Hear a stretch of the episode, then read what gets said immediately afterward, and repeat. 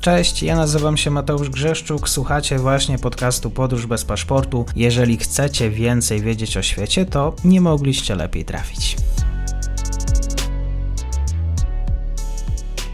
Dzień dobry wszystkim słuchaczom. Na początku przyjemność, wielka ode mnie przyjemność, bo chciałbym podziękować moim nowym patronom na serwisie Patronite: Izabela Kierul, Przemysław Blonkowski, Adam Rosa, Hanna Poznańska, Kuba Kierdaszuk. Bardzo dziękuję za wsparcie. To rzeczywiście dla mnie bardzo ważne i dziękuję za kawy. Grażyna Mróz, Bartek Sych też bardzo dziękuję za kawę. Dzisiaj moim gościem jest Jakub Bielamowicz, ale jak dzisiaj Państwo się przekonają, nie do końca w tematach bałkańskich. Dzień dobry Jakub, bardzo mi miło. Dzień dobry Mateuszu, dzień dobry Państwu. Dzisiaj przeniesiemy się na samo południe Bałkanów. Zapominamy oczywiście o, o, Grecji. Grecja to również Bałkany. E, Grecja, która jak wskazują kolejne doniesienia mediów, próbuje odbudować swoją pozycję w regionie. E, prezydent Turcji zareagował, zagroził Grecji z zakwestionowaniem jej praw do kilku wysp na Morzu Egejskim. Do tego jeszcze przejdziemy. Więc może na początek, ile właściwie w Grecji i ile samej Grecji na Bałkanach jest i jak właściwie bałkańska jest sama Grecja? Hmm.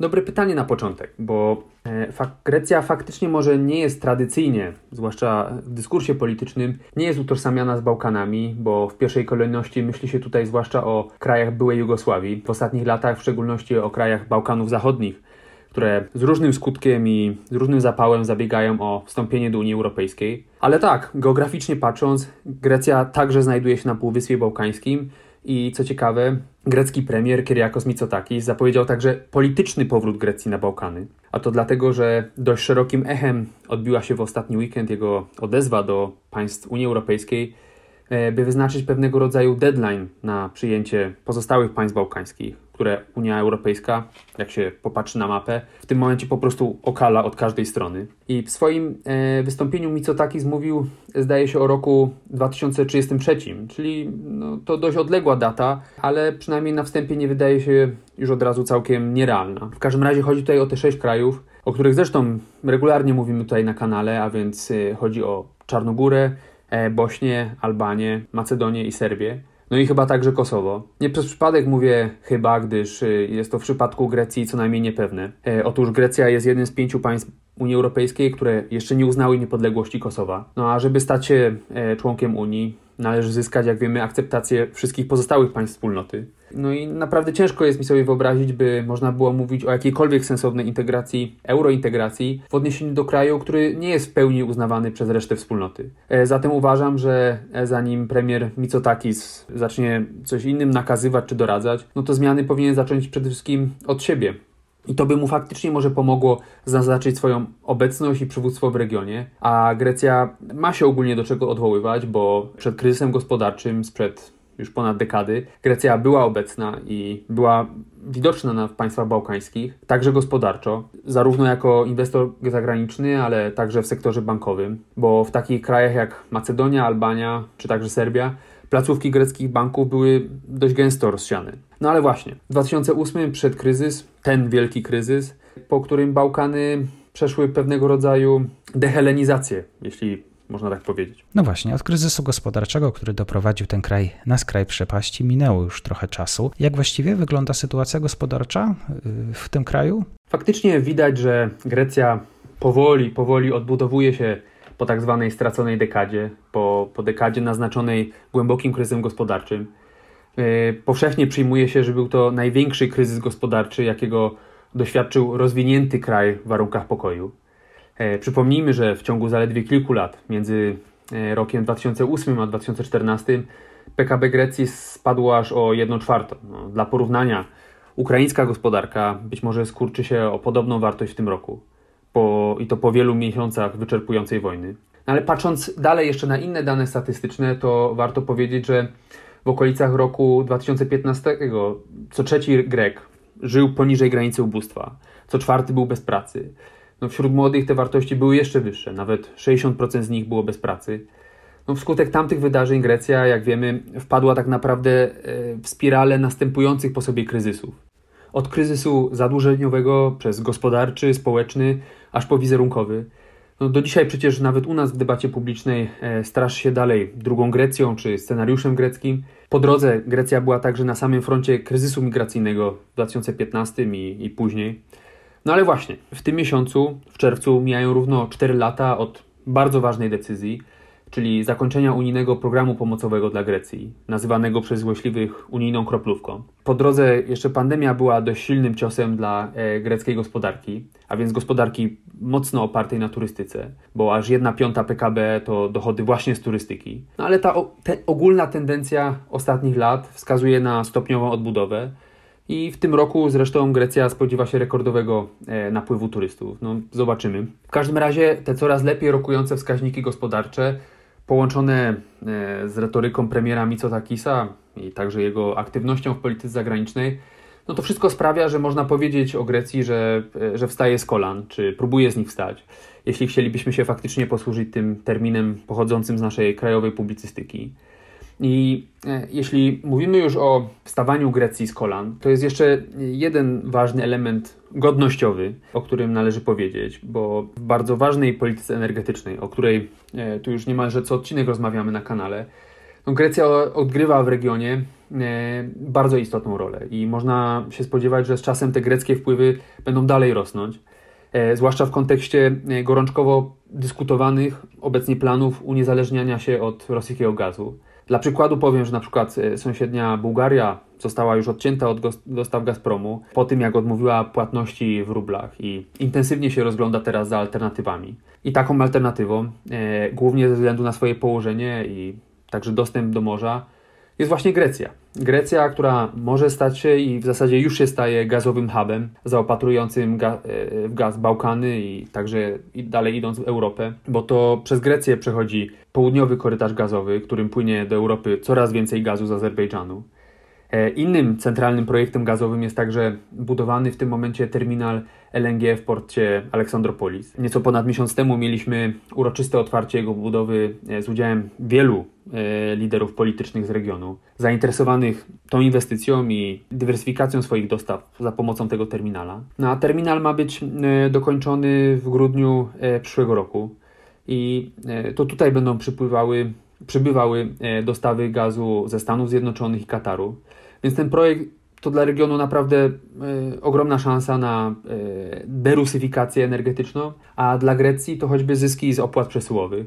I co ciekawe, powiem jeszcze, że e, obecnie Grecja także sama intensywnie bada, czy ma dostęp do złóż gazu, które pozwalałyby na zyskowne wydobycie. To jeszcze kilka słów na temat napięć pomiędzy Turcją a Grecją, o których też zresztą e, mówiłem w jednym z solowych odcinków. Turecki prezydent grozi zakwestionowaniem praw Grecji do kilku wysp na Morzu Egejskim, oskarżenia z kierunku Grecji o militaryzację tego terenu. No właśnie, czy turyści też będą musieli się obawiać e, tego, że na greckich wyspach pojawią się pojazdy militarne? Faktycznie e, w ostatnim czasie doszło do wzrostu napięć w relacjach Ateny-Ankara, czy tak naprawdę do ponownego, kolejnego zaostrzenia retoryki no ale muszę uczciwie przyznać, że to nic nowego czy nadzwyczajnego, więc y, przepraszam, że już teraz psuję suspens odpowiadając w ten sposób na to pytanie, ale naprawdę jest to już niemal rytualny schemat odtwarzany co kilka miesięcy lub co kilka lat. No ale faktycznie powiedzmy sobie, o co i tym razem chodzi. Otóż ta najświeższa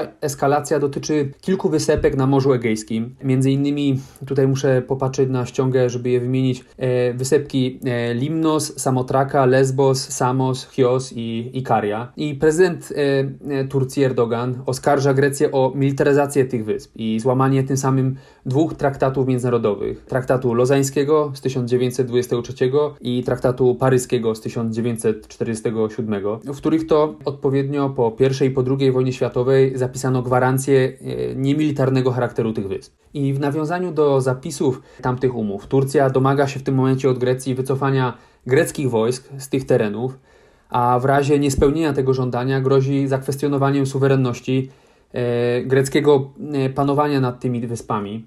E, I te tureckie żądania są o tyle bezpodstawne, że na żadnej z tych wysp nie znajduje się obecnie żadna baza wojskowa czy fortyfikacja obronna.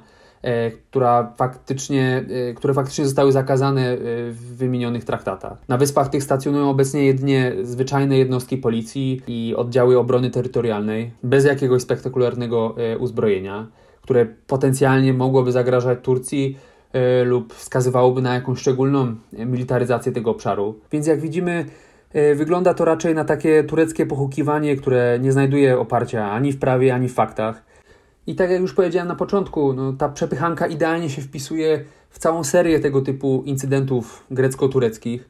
Incydentów, które e, dotyczą najczęściej granic morskich, e, wyłącznych stref ekonomicznych, e, praw do wydobycia gazu, czy w kontekście kryzysu uchodźczego na greckiej i tym samym unijnej granicy. Ciężko byłoby też zliczyć, ile, ile razy w ostatnich miesiącach i latach została naruszona grecka przestrzeń powietrzna przez tureckie samoloty ale na przestrzeni ostatnich dekad mieliśmy faktycznie dwa takie y, wyraźne punkty kulminacyjne, porównywalne być może z tym, co teraz obserwujemy. Jeden był całkiem niedawno, bo w 2020 roku, kiedy to faktycznie wydawało się, że może dojść do konfliktu zbrojnego, bo Grecja ogłosiła już wtedy postawienie wojska w stan gotowości. Wtedy to te dwa kraje poróżniły się o prawa do wydobycia gazu we wschodniej e, części Morza Śródziemnego, e, na wodach spornych między Cyprem a Grecją, ale też e, nieco wcześniej, 25 czy 26 lat temu, w 1996, mieliśmy do czynienia z jeszcze poważniejszym incydentem, bo w trakcie trwania sporu o dwie bezludne wysepki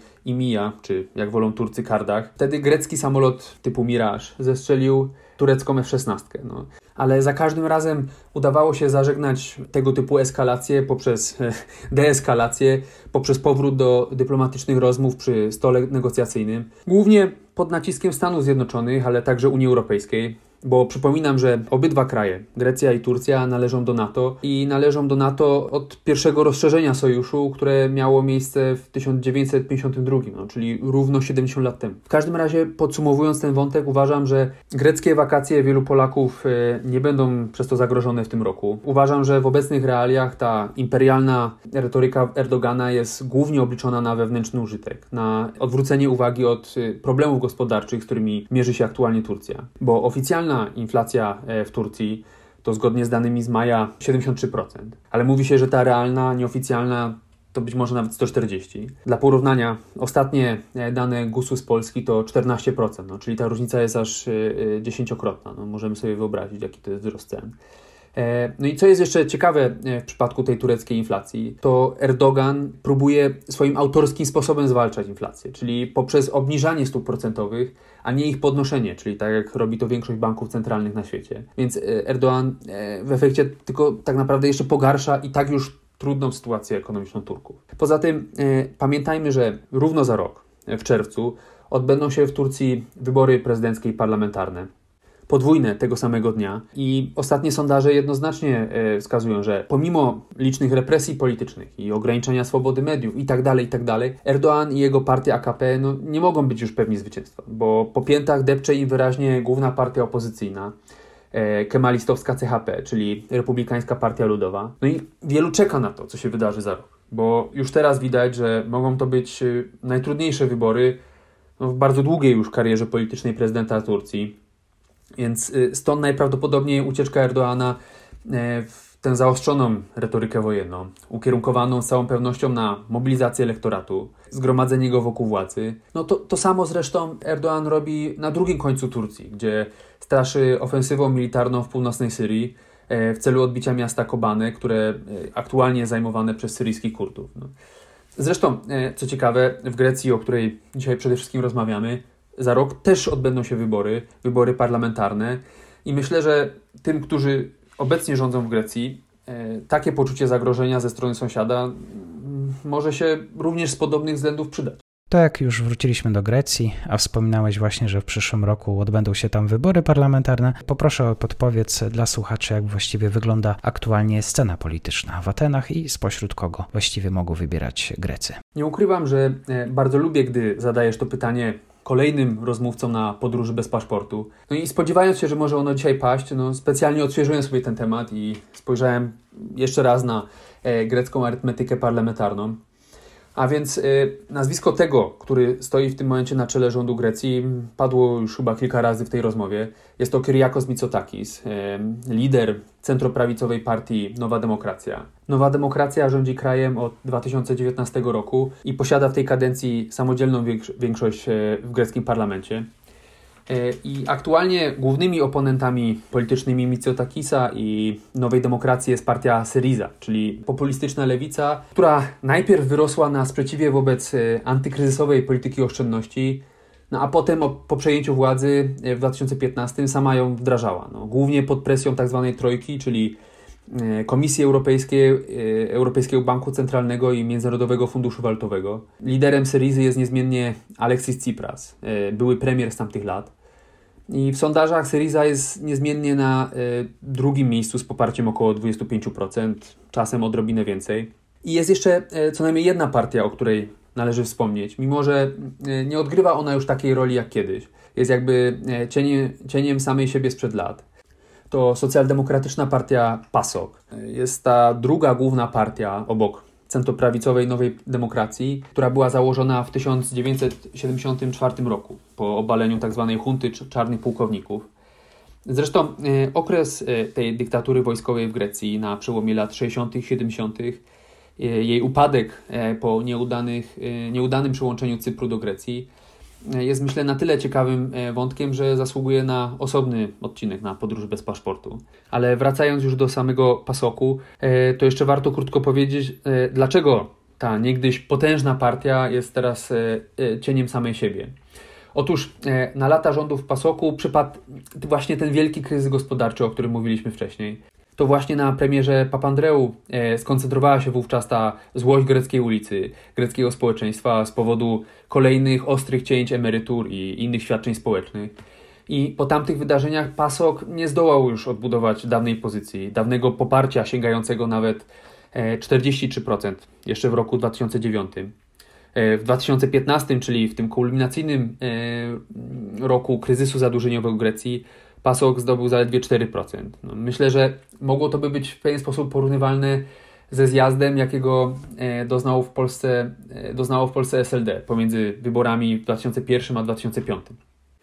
I dlatego w nawiązaniu do nazwy tej partii, PASOK, powstał nawet w politologii termin pasokifikacja, czyli e, termin, który opisuje szersze zjawisko, jakim była w latach 2010 masowa utrata poparcia przez tradycyjne ugrupowania lewicy, centrolewicy i centrum.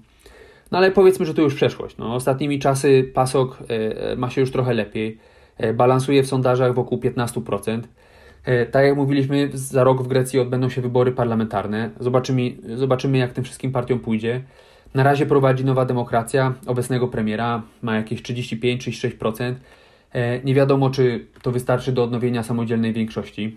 Ale e, jak już rozmawiamy o greckiej polityce, to jeszcze dodam, że e, ciekawostką tamtejszej sceny politycznej jest e, istnienie prawdziwych politycznych klanów, z których wywodzą się czołowi gracze, o których tutaj rozmawiamy. Zarówno obecny premier Mitsotakis, jak i, jak i Papandreou z Pasoku, o którym też mówiliśmy, wywodzą się z takich właśnie politycznych rodzin. Ojciec jednego i drugiego także stał wiele lat wcześniej na czele partii i rządu. No a ich rodziny, rodzeństwo e, także często pełnili istotne funkcje ministerialne. U nas jest to powiedzmy marginalne zjawisko, a w Grecji stanowi naturalny element e, kultury politycznej. I dlatego też na sprzeciwie wobec tych elit, ich e, zarządzania kryzysem, wyrosła już prawie 10 lat temu antyestablishmentowa lewica Syriza i jej lider Alexis Tsipras, który właśnie takiego klanowego pochodzenia nie ma. Ale ciekawym przypadkiem jest też sam e, premier Mitsotakis, który e, doszedł do władzy w 2019 roku e, jako liberalny, oświecony absolwent Harvardu, który zmodernizował swoją partię, Nową Demokrację.